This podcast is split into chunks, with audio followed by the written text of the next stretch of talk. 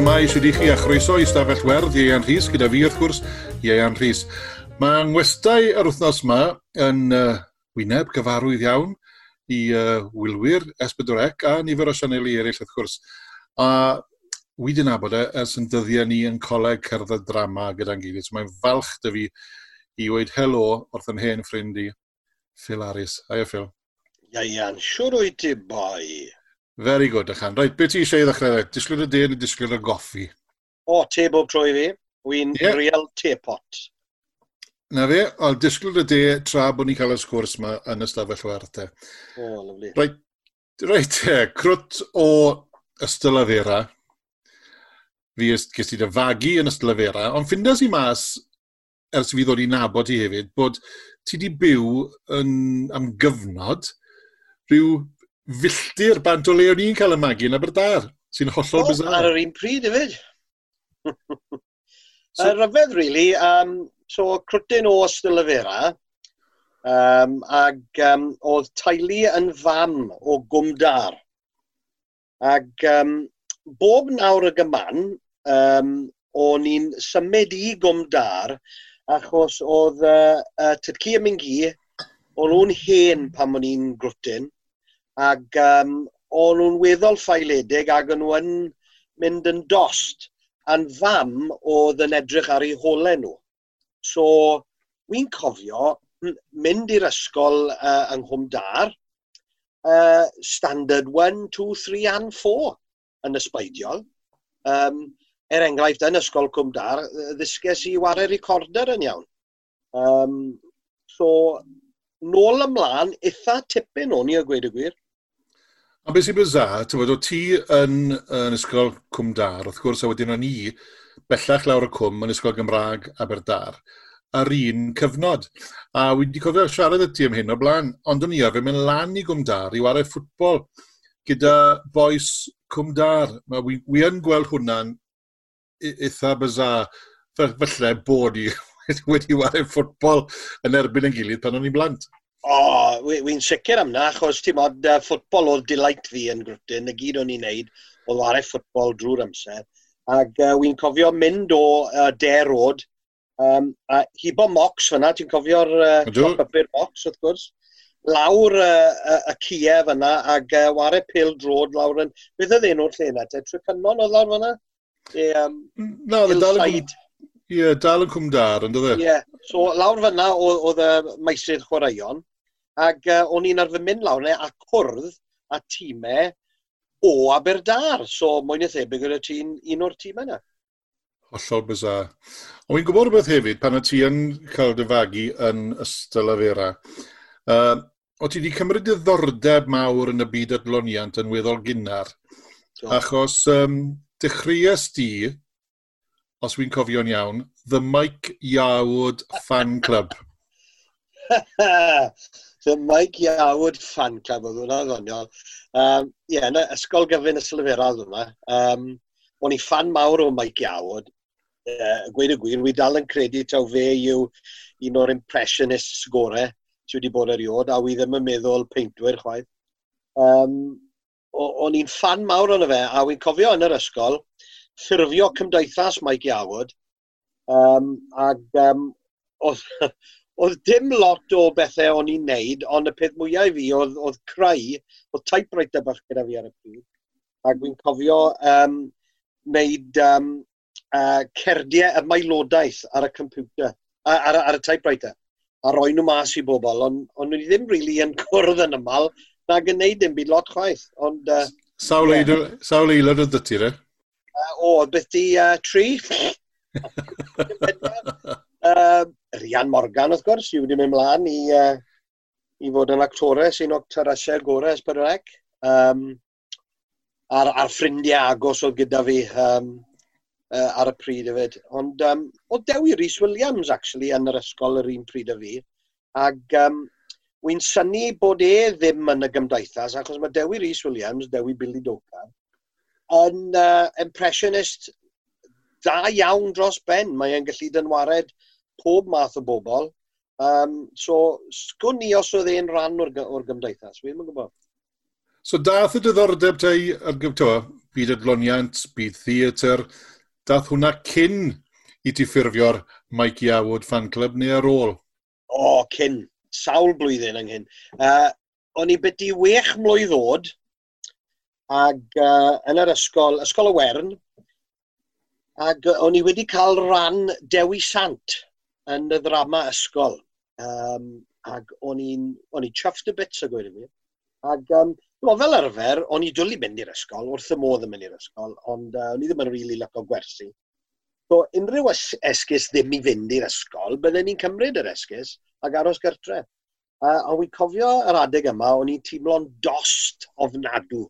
Oedd y fflyw dy fi'n wael, ac um, fel arfer bydden ni ddim wedi mynd i'r ysgol, ond wy'n cofio gweud oedd y fam, mae rai fi fynd i'r ysgol iddi, fi yw Dewi San. Ac oedd e mor bwysig yna i fi. A wy'n cofio stryglan i'r ysgol, a ware ran Dewi Sant, a just teimlo dyma beth wy moyn wneud gyda mywyd. A wy beth wedi newid o hwnna, ers y dyddiau cynnar yna. So ers o ti'n wech mwy ddod, mae'r mae hedyn na wedi cael ei blannu. Yn a... sicr, ac hefyd, yr un adeg, um, oedd, uh, oedd yn had, uh, oedd e'n gweithio yn uh, siop fel, tyma bach fel Grace Brothers yn Are You Being Served. Ag oedd e tyma bach fel John Inman a gweud y gwir. Um, ag oedd e'n chwarae pantomime dim bob nadolig ar gyfer uh, pantomime David Evans.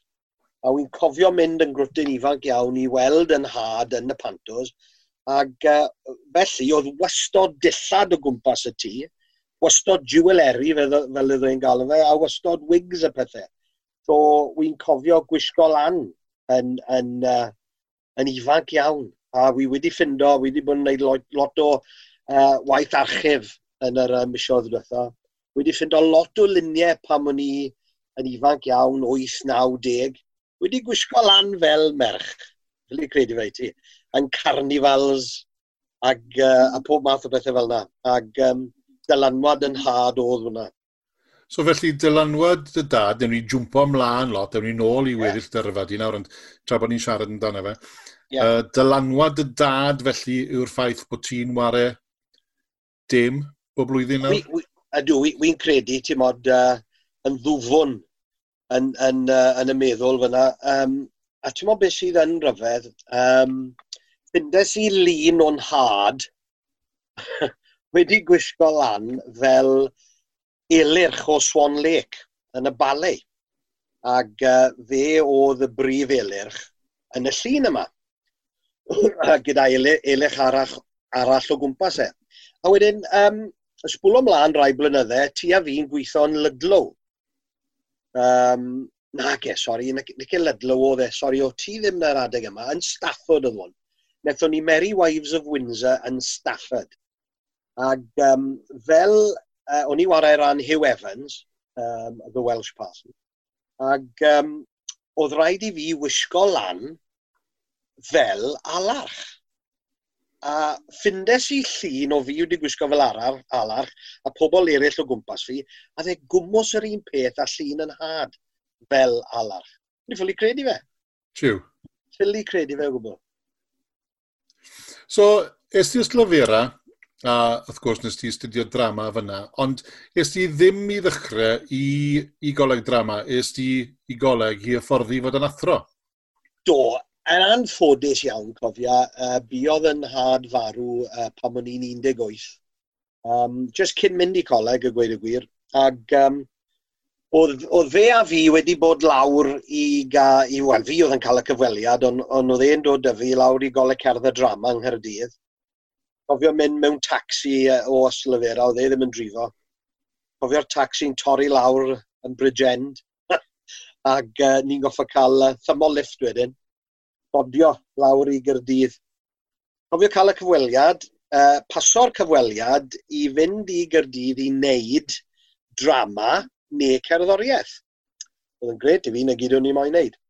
A wedyn, yn y cyfamser, farwodd yn had yn anffodus, ac uh, wel, o'n i ddim yn gwybod beth i wneud. Um, nes i ddim, nes i ddim cael digon o lefelau A i fynd i Gyrdydd, prynu, ond um, dath Dafydd Rowlands i'r un diwrnod a gweud, Philip, paid a phoeni dim Dere gyda fi'r dryndod na i edrych ar dôl di. A wad y teg, na beth nath e. So uh, es i'r dryndod wedyn uh, yng Ngyrfyrddin i studio fod yn athro o dan ddylynwad Dafydd Rowlands. Um, oedd yn uh, dipyn o gymeriad mae rai fi weid. Uh, so diolch i Dafydd am hynny. Uh, so ie, yeah, mynd, mynd i, i goleg y dryndod, a gweud y gwir sydd es i goleg y dryndod i studio uh, cerdd a drama. Siwto fi'r dim ar ôl cyrraedd yna, ti'n mynd rownd uh, i, i gwrdd ar bobl sy'n cymryd y gwersi, a wedyn nhw, wel, sori Phil, ond i ti ffili cymryd cerdd a drama ar yr un pryd, achos maen nhw'n, uh, ti'n ma, mae'r ma, ma, ma gwersi mlaen ar yr un adeg, so uh, sori, bydd rhaid ti ddewis. So ddewises i uh, drama, ac um, y falch bod fi wedi wneud hwnna i, i gael gwersi gyda Kerry Francis a Jim Jones, T. James Jones, y barod. Um, on, o'n i cael neud digon o gerdd yn y coleg hefyd. O'n i uh, yn cor y coleg ac o'n i wario fflwt i'r gerddorfa a dawnsio gwirin. So digon o gerdd yn mynd mlaen hefyd. Ond yn y pen draw, wrth gwrs, gyreiddes di coleg cydd y drama, achos do, uh, fyna well, gwrddon ni. Do, gwrddon ni yn coleg cerdd y drama, a wi newydd gofio un peth. Nethon ni ddim gwrdd yn swyddogol, Ond tra bod fi yn y drindod, uh, chwaraeus i y fflwt yn y gerddorfa ar gyfer sioe ieuenctid yr urdd. Efe Romeo a Juliet oedd e? Ie. Yeah. O ti yn hwnna, wy'n credu? O'n i yn Romeo a Juliet o'n. Right. So, wi, wi ddim yn gwybod os o'ch chi'n perfformio dros y, y wlad i gyd, ond sicr, pam o'ch chi yn perfformio yn y dryndod, yeah. o'n i'n ware yn y band. Jiw, jiw. Wel, o'n i ddim, o'n i ddim yn gwybod na nawr. Ti roi, ti roi sioc i fi nawr. Do. Jiw, jiw. Do, do. Ond na fe, nes ti ddod lawr i Gaerdydd a nes ti cwrs blwyddyn wedyn ni yn, yn y Coleg y Drama. A ar ôl gadael fyna, ti'n cofio ar ôl gadael coleg pan o ti'n teimlo reit, con i off te, out into the big wide world, be wy'n mynd i wneud? Be wy'n mynd i wneud?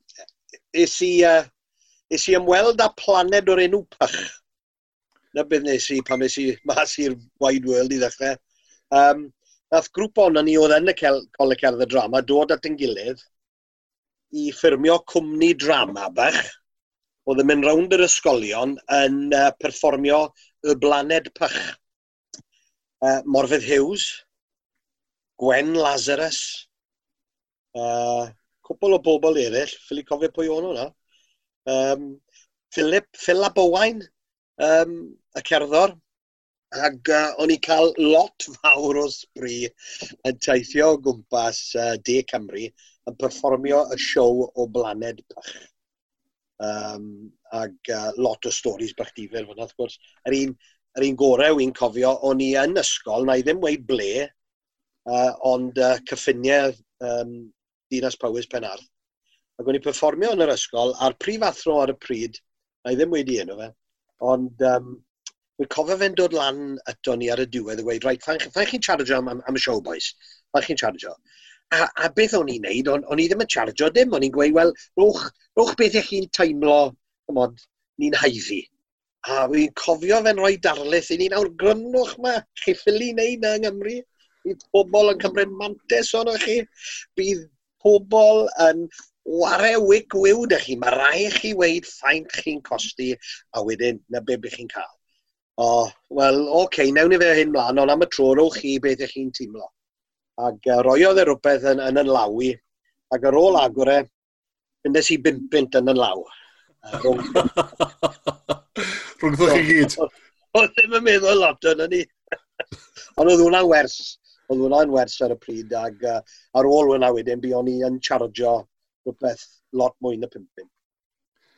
Ti'n cofio'r job cynta, ti'n ti'n sôn fel yna, wrth gwrs chi wedi trefnu hwnna i gyd, ond ti'n cofio'r job cynta ti gael e, nath rhywun gysylltu â ti a gofyn i ti fod yn rhywbeth neu audition cynta ti le ges ti'r job, to? Ie, yeah, wel, well, uh, allai ti weid uh, um, yr un gynta hwnna, o'n i wedi um, ar ôl gadael y coleg a wneud y blaned pach, sylweddoles i bod um, Jobs acto ddim yn mynd i ddod yn gyflym iawn, bod i'n goffod aros, bod i'n goffod mynd am gyfweliadau a popeth. So, es i wneud gwaith supply lan yn yr ondda. Ac uh, o'n i lan yn yr ondda am tua blwyddyn ar ôl gadael coleg yn uh, weithio uh, fel athro. Uh, ond o'n i ddim moyn dysgu o gwbl, so just aros o'n i. A wy'n cofio un tro ni yn y fflat um, yn y rath drws nesau ti, a gwed y gwir. Don Street. Walk am y weis. Ac um, o'n i wedi uh, bod i cael bath ar ôl dod nôl o'r ysgol. Ac uh, mae cloc ar y drws. A wy'n agor y drws. A, a ffrind i fi, John Biggins, sydd yn actor hefyd, Mi oedd yn wario billions werth yn bobl y cwm ers dalwm. A mae fe'n gweud, uh, Phil, um, what are you doing at the moment? So it is well, I'm teaching up in the Rhondda, John. Uh, oh, okay, because uh, I'd like you to come with me to the Sherman Theatre for an audition. The, um, the director of a new Christmas show wants to, wants to audition you. Mike James oedd enw fe. Well, John, I can't possibly come now. I'm, I'm just come out of the bath. Look, I'm in my, I'm in my dressing gown, man. No, come on, Phil, come on. It'll be, it'll be great. So es i gyda fe, yn ei garbach e, Volkswagen, uh, heb, heb set yn y, yn y blaen, yn gofio beth yw yno, ddim set yn y blaen, so ni'n gofod eistedd yn y bac. Ac um, ddethon ni draw i'r Sherman, a ges i'r cyfweliad yma gyda Mike James ar gyfer siow o'r enw Oz, y ddasiad o Wizard of Oz. Ac uh, y rhan oedd y Tin Man, a dde moyn i'r Tin Man fod yn Swansea Tenor wel, yna siwto fi, dim o'n i'n dod o Slyfera, ac, um, okay, o'n i ddim yn tenor, ond o'n i'n gallu rhoi cod ten ymlaen yn iawn. A ti'n edrych fel Harry Seacom? A ni'n edrych fel Harry Seacom. Yn gwybod fel wyrias i fe, gweud y gwir. Yeah. Ac, um, nath Mike James, uh, gath e conflab bach gyda'i uh, gyda uh, comiti fe, a wedodd e, Phil, we'd like to offer you the job. Wel, oedd hwnna'n beth arswydus, achos beth oedd hwnna'n meddwl, um, gilen ni cerdyn equity gyda fe, achos ar y pryd o ti'n goffa cael cerdyn, cerdyn equity er mwyn acto. Oedd e'n briliant. So, wy'n credu tawn o Swener oedd hwnna. So, ar y di llun, nôl i'r ysgol, mynd i'r prifathro a gweud, um, I'm sorry, I would like to resign as I've got a job as an actor. A dde'n iawn, ti'n modd, oedd e'n, yes, all the best, Mr Harris, oedd e'n gallu gweld bod fi ddim yn, ddim yn, uh, ddim yn athro da iawn. A wy'n cofio siarad gyda un o'r athrawon eraill, Pete Wong oedd yna fe. Ag, uh, what's this I Phil? You, you, you're going to leave school? Oh, that's stupid, man. You could be here for 40 years doing this job. What's wrong with you? Oh, drwchus i arno fe gweud, all the best, Pete. It's been nice to know you. Rofiau oh. byth hwnna, they're fantastic. Fantastic o deimlad. So wedyn ni, pan est di Oz, o ti'n gwybod yn iawn wedyn ni um, ar, ar ôl ti'n neud hynny, wrth i ti'n neud hwnna, taw yn bendant, taw na o ti'n moyn neud. Oh, definite, ti'n modd. Um, oedd rhaid i fi dros y blynydde oedd yn dod mynd nôl i wneud ambell i waith supply, ond um, ti'n modd ysbeidiol iawn oedd hwnna. Um, o'n i'n lwcus iawn, oedd, oedd, um, oedd bod gyda crew actorion uh, Oz uh, yn wefreiddiol, a gyda llaw. Um, un person oedd fod yn y sioe yna yn wared Dorothy, ond o'n nhw'n teimlo ar y pryd roedd i ri ifanc. Oedd Catherine Zeta-Jones. Jiw, jiw. Yeah. Ond um, yn anffodus, o'n nhw'n teimlo bod hi'n rif, a wy'n credu falle oedd hi byddu 16, ond um, ond oedd e'n gret, a wedyn syth ar ôl hwnna wedyn, um, ces i cyfweliad i fod mewn cyfres dyledu o'r enw tantra nesaf. Ac um, oedd oh, hwnna'n rhywbeth arall. Uh, o'n nhw wylo am rhywun oedd yn gallu e, uh, drifo car, chwarae gitar fas, e, uh, roed o ceffil a siarad yn acen cwm tawe. Ac o'r, uh, or dewis, uh, o'n i'n gallu siarad mewn acen cwm tawe. um, uh, o angofio nhw am y ceffil yn y pen draw a gathen nhw rhywun i, i ddrifo car yn lle fi. So es i straight down a wedyn i wneud y cyfres dyledu mewn beth di pop, uh, grŵp pop ifanc. A nes i ddysgu siwr i wario gitar fas? Ie, ddysgu si siwr i wario gitar, gitar fas. Uh, Brian Breeze oedd yr MD. A uh, wi'n cofio yn yr, um, yn y sesiwn gynta, Oedd e'n mynd o gwmpas pawb, oedd Jonathan Tregenna, uh, fe oedd y, y prif leisir a'r gitarist, Patel Caineg, Delis Wyn, Jackie Box, Gordon, Wilson, uh, Gordon Jones ar y drums. A dde rawn pob un ohonyn ni yn gofyn, reit, um, chwaraewch tyma bach o'ch offeryn, dyngoswch i fi beth chi'n gallu gwneud. A cyrraedd fi uh, yn ola, right, Phil, chwarae tyma bach o, o gitar i ni te. Uh, Wel, y peth yw, Brian, mi ddim actually yn wario gitar a nath e edrych yna fi, oedd neb wedi gweud wrth yr MD o fi ffili waren bes gitar. A nath e ddim ffwdan, nath e edrych yna fi a gweud, oce, okay, right, uh, wel rod y fus fyna, rod bus arall fyna a just ware hwnna. A fel na fi oedd e am uh, yr wythnosau cynta, um, a wedodd e, Phil, os i ti'n dysgu rhannu'n yn iawn, gei di ware ar yr LP.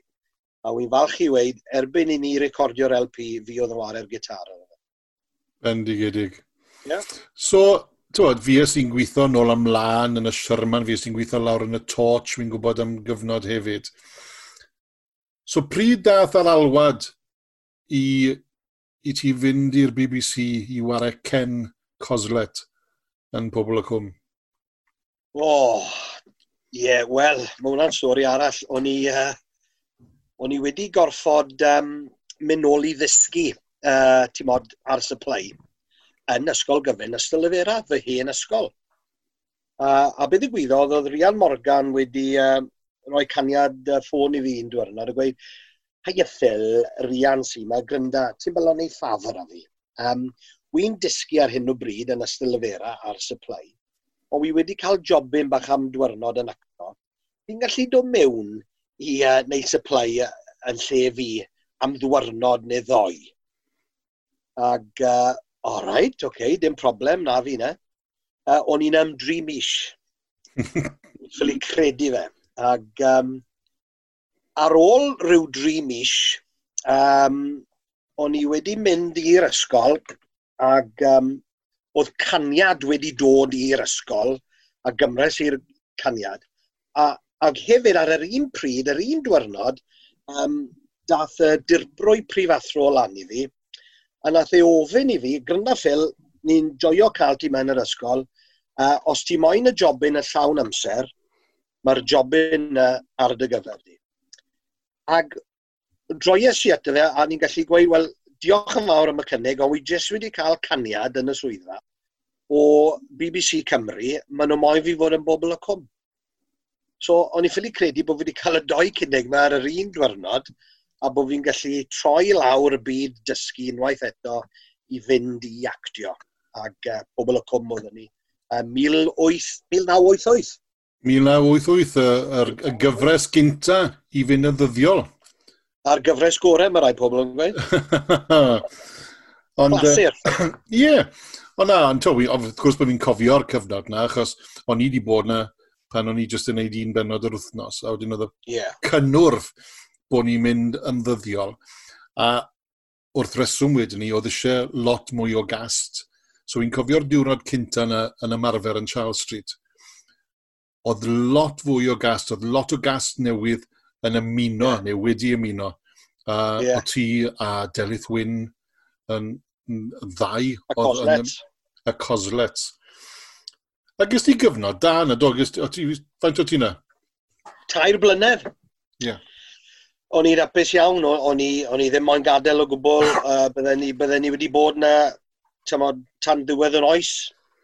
Um, ag o'n i cael y cyfle, ti'n modd oedd y gymdeithas yn gret, o'n i chwarae pil drod wrth gwrs. Wel, lygu ti ddechreuodd hwnna gyd? Wel, lygu ni, uh, lygu ni gael y clod am hynny. Wi, wi'n credu yn dechnegol o chi wedi wario gêm pil drod yn erbyn i stenders yn do fe? Yr haf cyn i ni ddechrau nôl. Yr haf cyn dechrau. So, wy'n credu hwnna y dechreuad, ond wy'n cofio un noson, uh, neu un dwarnod radd, a wedes i, boys, pwy sy'n licio wario pil drod, beth sy'n ni'n cwrdd lan bob nos iau i wario five aside. Um, so na beth nethon ni wedyn, so o'n i wario bob wythnos, a go hwnna wedyn dath y syniad i, i wario pil drod yn gyson ar ben wythnosau pethau. Um, So, ie, yeah, lyca ni gymryd y clod am yna pam lai. Fi oedd yr ysgrifennydd yeah, cynta. Ie, yeah, trip, trip cynta, wrth gwrs, lan i ochrau Abergele. A ti'n argoffa fi nawr, a be wedodd y prifathro na wrtho ti. Nethon nhw ofyn sy cast pobl y cwm yn cael mynd lan i ochrau Abergele i ware pel drod. Yeah. A wedys ti wrthyn nhw fel yr ysgrifennydd, o, popeth yn iawn, popeth yn iawn. Faint i chi'n codi? Right? Nes, nes di weid, nes di weid, o, oh, 50 quid. Oedd y bus i hunan yn costi 350 quid oh. i fynd yn ei lan.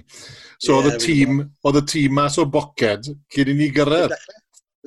Ie, yeah, fi'n gwybod, I mean, esgus oedd e, really, achos bod fi wrth y modd yn chwarae pildrod ac um, o'n i ddim yn, yn ddigon da i wario uh, i, i dîm cynrair o gwbl, ti'n modd yn gyrdydd neu ble bynnag.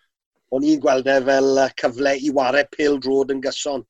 Um, fel nes i pan o'n i yn, uh, yn yr ysgol yn y Silfera, achos uh, ddechreuais i tîm yn y Silfera Alltegri Grovers.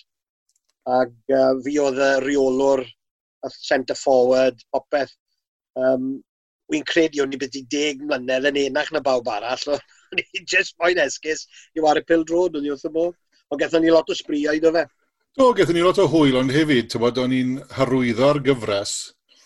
Um, bob penwthnos o'n i rwle yng Nghymru yn wario pil drod. A i wedi on, fod yn onest, dim lot o gefnogaeth o bobl y cwm ar BBC. O'n i'n neud e mwyn neu lai ar lwt yn hunain. O'n, o'n. O, dim hwnna wir, ti'n modd, um, ti'n meddwl nôl, o'n i'n goffa prynu kit a popeth na gynni. Um, Wy'n credu oedd uh, Howell Emrys oedd yn charge o uh, marchnata a ffindo cet i ni. So mae'n bosib bod, uh, bod e, wy'n credu oedd e wedi ffindo rhywun i noddi ni. Ond ni oedd yn goffa wneud y gwaith i gyd, um, a, a fel ti'n gweud, llogi'r buses a, a pob math, math, math o bethau. Ond o'n i'n codi lot fawr o arian i, i lesennau gwahanol. Nethon ni lot o godi arian. Nethon ni, nethon ni waith da ar y teg, uh, ar yr un pryd a cael lot o hwyl. Ond wedi, wedi ni wrth gwrs, dath, dath y diwrnod, a wy'n cofio'r diwrnod ma'n iawn, pan nath uh, y BBC benderfynu bod, uh, bod nhw am cael gwared o Ken Coslet. Wy'n cofio yeah. ti'n gweud wrtho fi a, yeah. am, am hir bylles i gredu ti, achos Go. ti yn tyn bach o wind-up merchant. a o'n i'n meddwl, na beth o ti'n neud, o ti'n wind-up i lan. Yeah. A wy'n cofio fi o'n i'n wario snwcer a ti'n mynd on ag on ag on, a gwneud, o, oh, be wy'n mynd i wneud, be wy'n mynd i wneud, a, o, oh, wy'n newid blynu carafan, o, oh, na, be wy'n mynd i wneud. a wy'n cofio gweud wrth ti, Phil, ti'n mynd ar y nerfs i nawr, right? Yeah. Os nag ti hyd y ben, cer gytre, a nes ti wedi, o, oh, o reit, a fi gytre. Yeah. A nes ti gytre, ar noswaith na, nath Eirlis Britain ffona fi, a gweud, ti di clywed am Phil, a si, o, i gynna, profoco ma fe, meddwl fi. O na, mae'n serious a wy'n cofio ffôn o ti'n syth a wyd, Phil, o'n i'n meddwl brofoco ti, come on, lawr i dre, a ni lawr i dre a gael meddwad. Do, do. Ond ti'n modd, ar y pryd oedd e, e'r peth mwyaf difrifol oedd wedi digwydd i fi, ti'n modd, um, achos uh, hwnna oedd y mywyd i, ac um, o'n i'n byw just, just rawn y gornel o'r studios hefyd, so o'n i'n cerdded i'r gwaith, oedd e'n gret. Um, oedd e tym bach yn od ar y dydd, Achos fel i ti'n cofio, uh, ti'n siaro ystafell newid gyda, gyda pwy bynnag, ac um, i ti mewn yn yr ystafell am oriau maith. So, ni'n mynd a gemau mewn dyni o'n i, ti'n modd, um, Monopoly a bacam yn y popeth. Ac o'n i wedi mynd a llon peil o bethau mewn dy fi. Ac uh, e, so, ti'n cael yr alwad wedyn ni fel anlloff i llawr tri. ac um, siarad gyda cynarchydd y pryd a'r, ar uh, golygydd y pryd. Uh, o'n nhw'n nais iawn yn gweud, um, yn anffodus, uh, ni ffili, uh, ni ffili meddwl ble i fynd gyda'r cymeriadau o hyn ymlaen, so mae rhaid i ni adael chi fynd. Nawr o'n nhw'n gweld ni'n fesul un, felly fi at lan gyntaf, Delyth Wyn oedd yn warau um, yng Ngwraeg i, uh, dal lawr llawr a wy'n cofio nhw'n gweud thai, uh, na ffafr anu, ddo, licen ni weid wrth delyth yn bersonol, uh, wyt ti'n fodlon just gadael yr adeilad a dim gweud dim byd wrth neb. So, oce, okay, wedes i. So, oedd popeth o'n eiddo i lawr llawr, ond oedd rhaid i fi adael yr adeilad trwy drws arall, gadael yr oll aiddo tu ôl, a jyst gadael i'r peth um, fynd, fynd fynd trwy'r uh, gabins. Ys ti ffono fi? Fynd lawr i'r snwca hol uh, a, a ffono chi boys.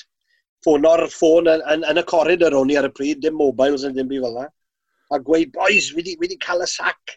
A wi lawr yn y snwcer ol, dewch lawr. A, a wedyn, um, the rest is history fel wedyn nhw.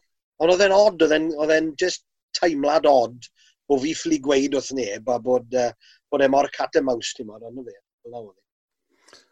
Ond, ti'n bod, er, er bod ti wedi cael y newyddion drwg yna a i raddau'r un peth a pryd, pryd gyda nhw wared o'n nghymeriad i, a ti'n meddwl bod diwedd y byd yn dod, ond diwedd ddim yn ddiwedd y byd, mae'n mae dechrau bywyd newydd hollol sbon, a ti'n bod, so ti wedi stopo? Na, wi, wi, wi wedi bod yn lwcus. Fel ti, mae ethos gwaith gyda ni, ac uh, mae'r ddoi o'n i'n teimlo'r un peth, os nag yw'r gwaith yn dod mewn, i ni'n creu gwaith. Um, a wy'n credu bod hwnna'n bwysig iawn. Ar y pryd, do, wy'n wy cofio, uh, hefyd, o'n o'n i'n weddol lwcus achos bod fi'n dod mewn i bobl y cwm ar ôl wneud lot o waith theatr yn arwain lan iddo fe. Um, a ges i job theatr straight away gyda uh, y Sherman eto. Um, yn wneud um, cwpl o ddramau uh, i blant, plentyn coll, on the pathway home, Ag um, oedd y jobyn na, gyda'r cyfweliad ges i am y jobyn na, oedd, oedd jobyn arall yn mynd gyda hwnna, chydig fisiodd yr ôl ni, a'r jobyn na oedd uh, perfformio yn, yn The Milkwood, yn teithio o gwmpas Prydain.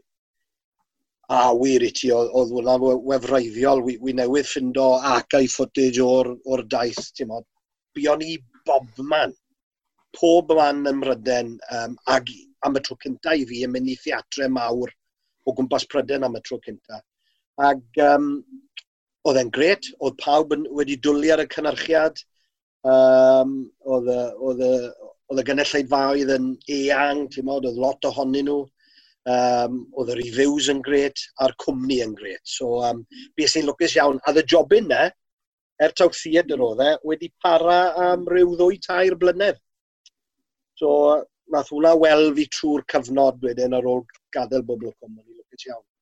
A wedyn wrth gwrs sawl, sawl cyfres dyledu hefyd. Tod, fi ysdi yn, oedd rhan blaen llawd y ti yn y gyfres amdani? Oedd wir, oedd, oedd hwnna tyn bach yn hwyrach. Uh, diwedd y 90au oedd hwnna. Um, oedd hwnna'n gret, a cyn hwnna, wrth gwrs, halen yn y gwaed. Wrth gwrs, ie. Yeah. Uh, be, beth oedd yn gred am Halen yn y gwaed, actually, achos uh, Gwyn Hughes Jones a um, oh, beth oedd enw'r awdur nawr? Er, er, Will Sirfon. Ie. Yeah. Um, er, nhw oedd wedi cael fi mewn i bobl y cwm ac o'n nhw wedi gadael jyst yn bach ar ôl fi, neu os nad yr un amser a fi. A nhw oedd, oedd yn gyfrifol am halen yn y gwaed hefyd, so oedd dim rhaid cyfweld ar gyfer hwnna, oedd e'n gynnig. Bill, mi moed di'n halen yn y gwaed, a dde'n ran lyflu uh, Winford, taxi driver, gyda, gyda Will, Will Thomas fel uh, y major. A gatho ni beth i wech cyfres mas o hwnna, ti'n modd.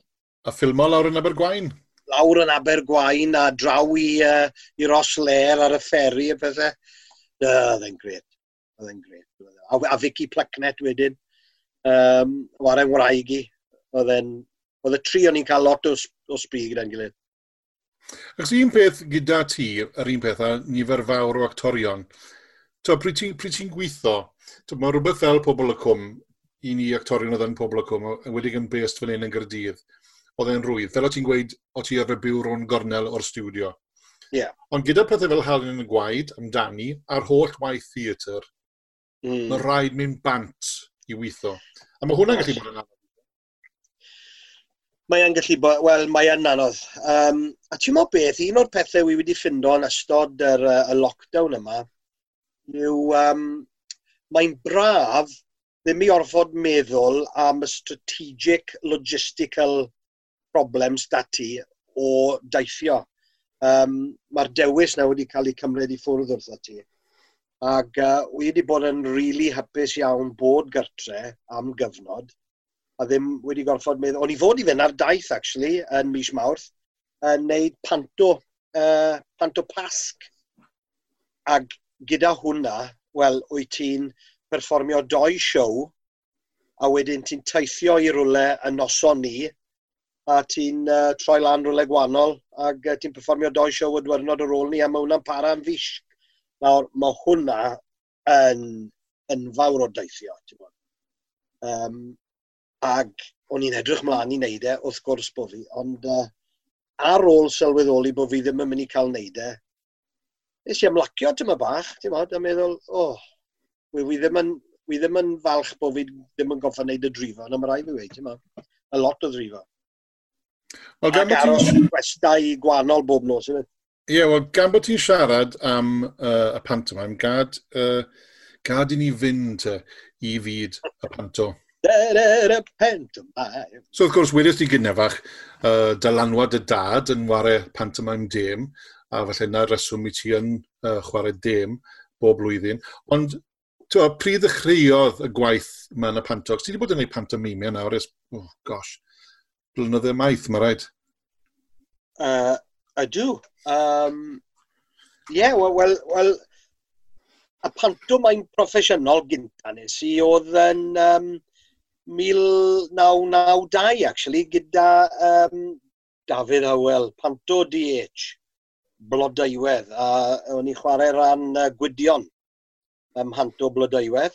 So hwnna oedd yr un gyntaf broffesiynol, a wedyn, wrth gwrs, uh, y flwyddyn ar ôl hynny, nath ti a fi gynharchu pantomeim, saethenyn ar twrw tanllyd tandwr.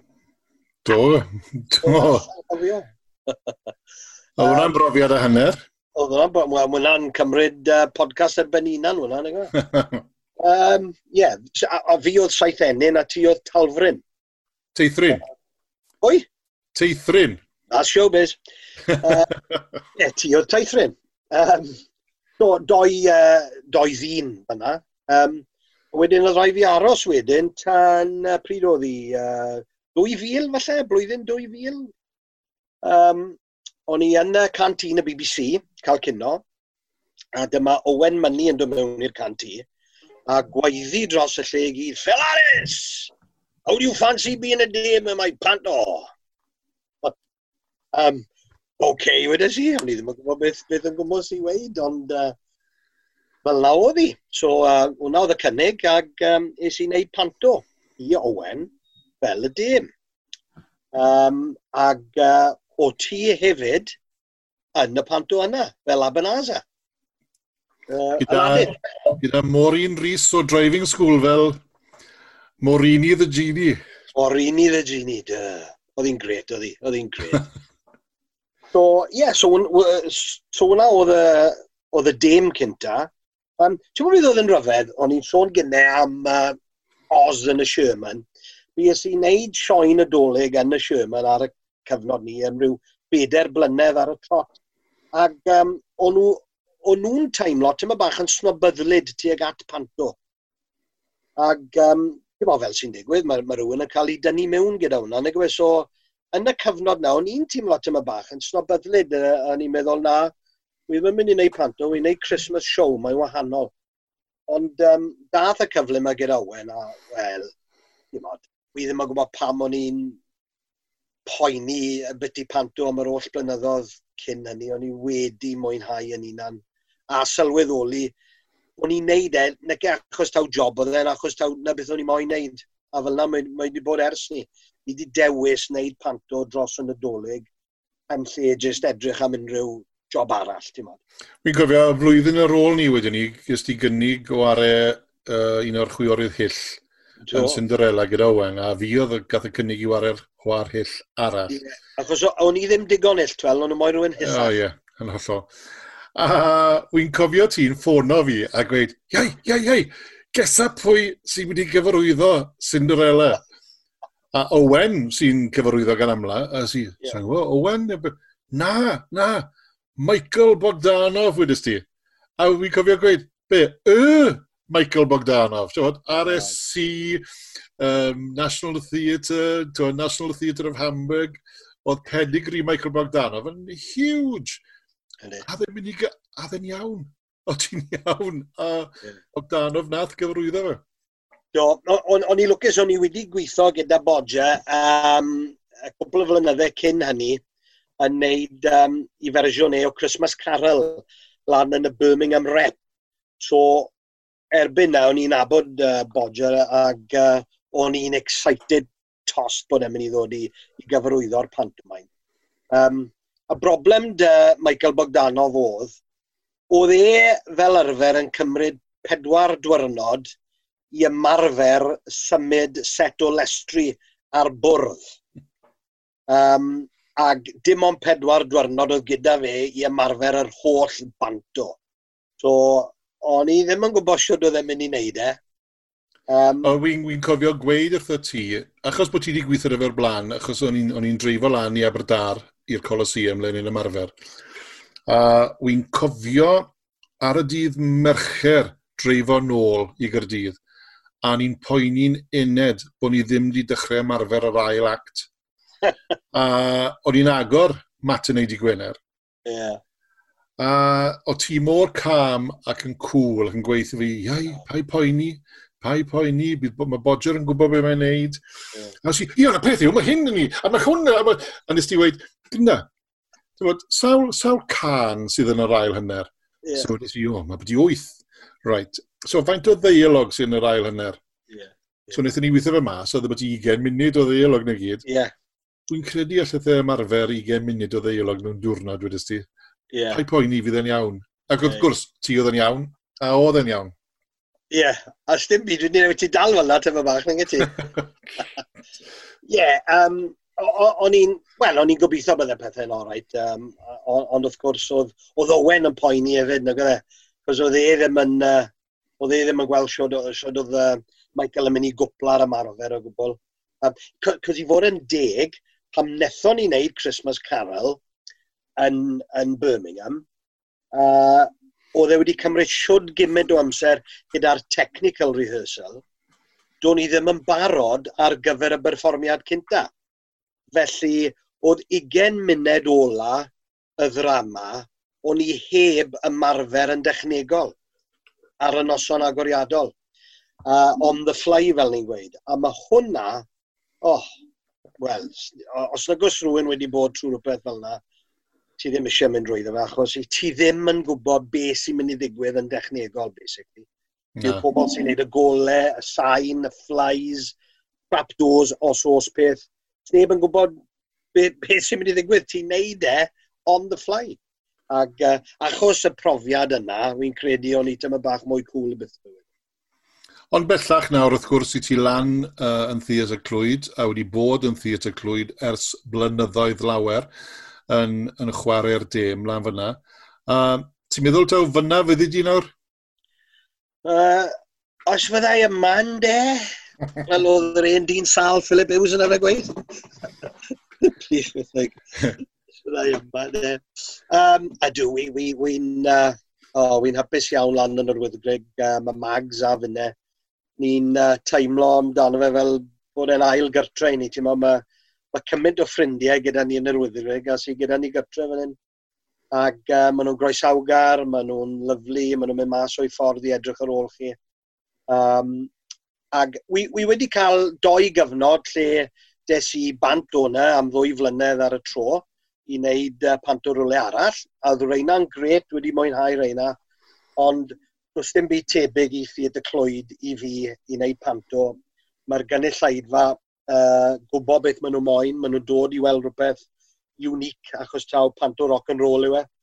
Ac um, am ryw reswm, maen nhw wedi cymryd atau ac um, wedi cymryd atyn nhw, so hir oes byddai lan na gobeithio. Beth be sy'n wahanol a beth sy'n rhyfedd os lyci di am pantos theatr clwyd? Um, des i lan i weld ti doleg diwetha. A wy'n credu, ti'n rhywbeth fel wech o blant oedd yn y gynulleidfa. Oedd y lle'n llawn, ond oedolion oedd na.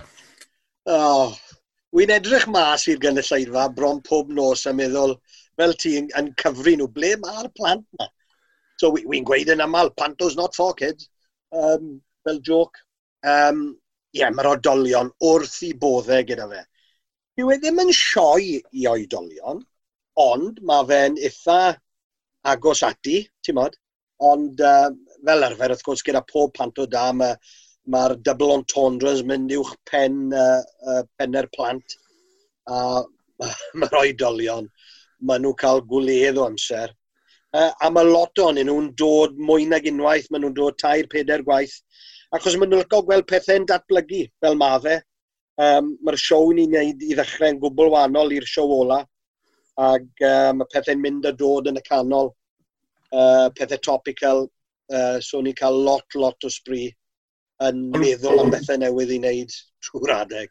Ond wedyn ni, achos y pant o rock and roll yw e yn Theatr Clwyd dros Dolig, ti yn cael cyfle wedyn ni i wneud y pant o traddodiadol yn, uh, yn y pasg. Uh, ti'n teithio Prydain, fel nes ti sôn gynnefach. A ti wedi cael gweithio gyda lot o enwau mawr fel Gareth Gates, uh, Leslie Ash uh, a Basil Brush. Basil Brush, wel, beth allai weid am Basil Brush? fe yw'r boi sy'n, gyf... wel, y boi sy'n tu ôl i Basil Brush, uh, sy'n gyfrifol am roi fi uh, ar y cwrs golf yn ddiweddar. Oh, God. mae fe wrth i bod o ar y golf, mae fe'n dda iawn, a gath e rhyw fath o ddiddordeb. O'n i wario golf dy ti blynydde yn ôl, ond oedd y ddoi o'n i'n rybys. Wi dal yn rybys. Ond, um, ie, yeah, so diolch Basil Brush am uh, gael fi nôl ar y cwrs golf. Uh, Ceri Catona, wrth gwrs. Um, yeah, mae ma, ma hwnna'n wedi bod yn brofiad gret uh, panto pasg i hwnna, gyda Anton Benson Productions. A uh, hwnna oedd yr un sy'n teithio'n ddyddiol.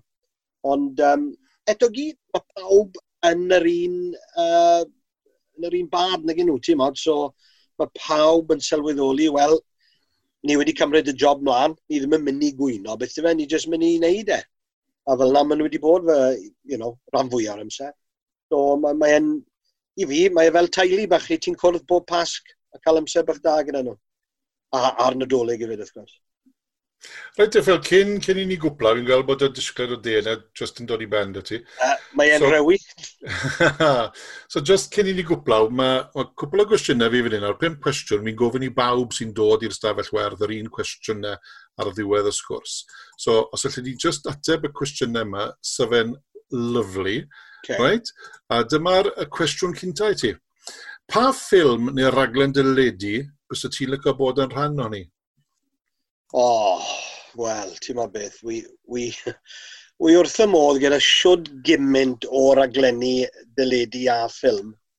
Um, yn ddiweddar, wi wedi bod yn uh, gwylio uh, Killing Eve.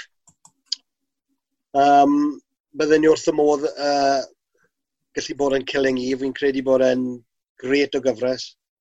Um, a'r ffilm, actually, nes i fwynhau yn fawr iawn yn ddiweddar, oedd Treasure of the Sierra Madre gyda Humphrey Bogart.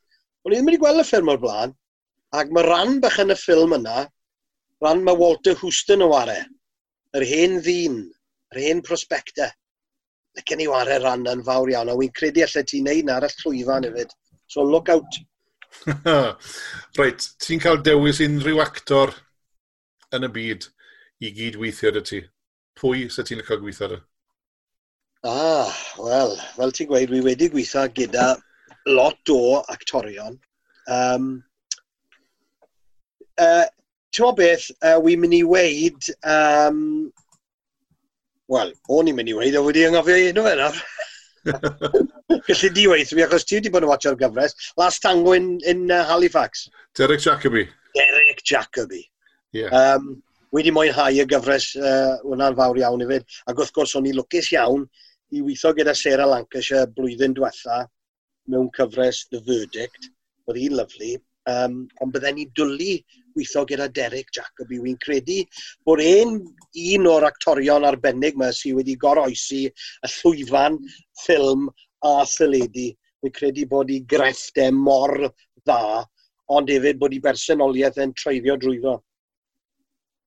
Nawr te, tas ti'n cael byw yn unrhyw le, ond i bai am Gymru fach, ble fes ydy'n dewis byw? Wy'n credu bod ti'n gwybod yr ateb i'r cwestiwn yna.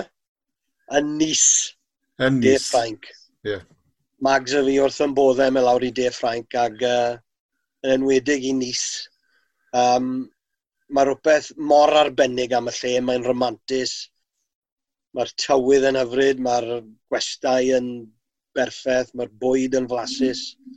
Um, yeah, Nis, please. A fi'n afori. Very good. A ti'n sôn am fwyd fan yna'r cwestiwn nesaf. Fi sy'n talu. As, you, as, oh, as, you, as, you, as usual. As usual. As usual. Yeah, yeah. Fi sy'n talu, wi'n mynd at i mas yn bryd y fwyd, right? Pa yeah. fwyd ti sy ti'n dewis a pam? O pobl yn gofyn y cwestiwn un i fi pam o'n i yn yr ysgol, yr ateb straight oedd beef burger, beans a chips. Yn cael hwnna bob, bob dydd gyda'r fam. Um, na, mae pethau wedi newid a mae pethau wedi newid yn aruthrol yn ystod y lockdown wrth gwrs. Ond um, ar hyn o bryd, um, mae Mags, uh, mae'r ddoi yn ni'n coginio, mae Mags yn neud uh, brecwas llawn gret i fi ar y penwthnos. So ar hyn o bryd, full brecwast Cymraeg gyda bara lawr a chocos. Hyfryd.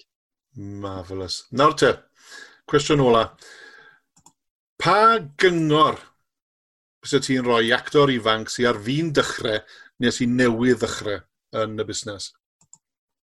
Os ych chi wir moyn mynd mewn i'r busnes, credwch yn eich crefft, uh, yn eich uh, yn, yn beth ych chi'n gallu wneud, credwch yn y freuddwyd sydd gyda chi, a newch yn siŵr bod rhywbeth tu cefn i chi i gwmpo nôl arno fe. Does dim rhaid fe fod yn rhywbeth ti fas o, o'r busnes creuwch gwaith i'ch hunain i gadw chi fynd yn ystod yr adegau yna lle nad yw'r gwaith yn dod mewn. Ond sicr, os ych chi wir yn teimlo bod chi eisiau mynd mewn i'r busnes, newch e achos mae e'n fyd arbennig o fleserus. Ni'n cwrdd â pobl, a mae'r ma ma gwaith chi'n cael y cyfle i wneud. Mod, fel arfer, bydden ni'n eistedd mewn cynulleidfa yn watcho'r byddai'r llwyfan yn meddwl, o, oh, licen ni, ni fod lan fyna ond wy'n cael y cyfle i wneud e. So credwch yn eich breuddwyd a ewch mlaen i wneud beth ych chi moyn wneud yn y busnes. Bendigedig. Wel, diolch yn fawr ti, Phil. Um, mi falch bod ti wedi enjoyed y de hefyd. Ond Diolch diolch yn fawr i ti am gadw cwmni fi yn ystafell werth heddi. Diolch yn Y check yn y post, ydw e? Ie, yeah, gewn ni weld. Okay. Right? Gewn ni chat nes mlaen. diolch yn fawr ti, Phil. Diolch i ti boi, a phob lwc. Música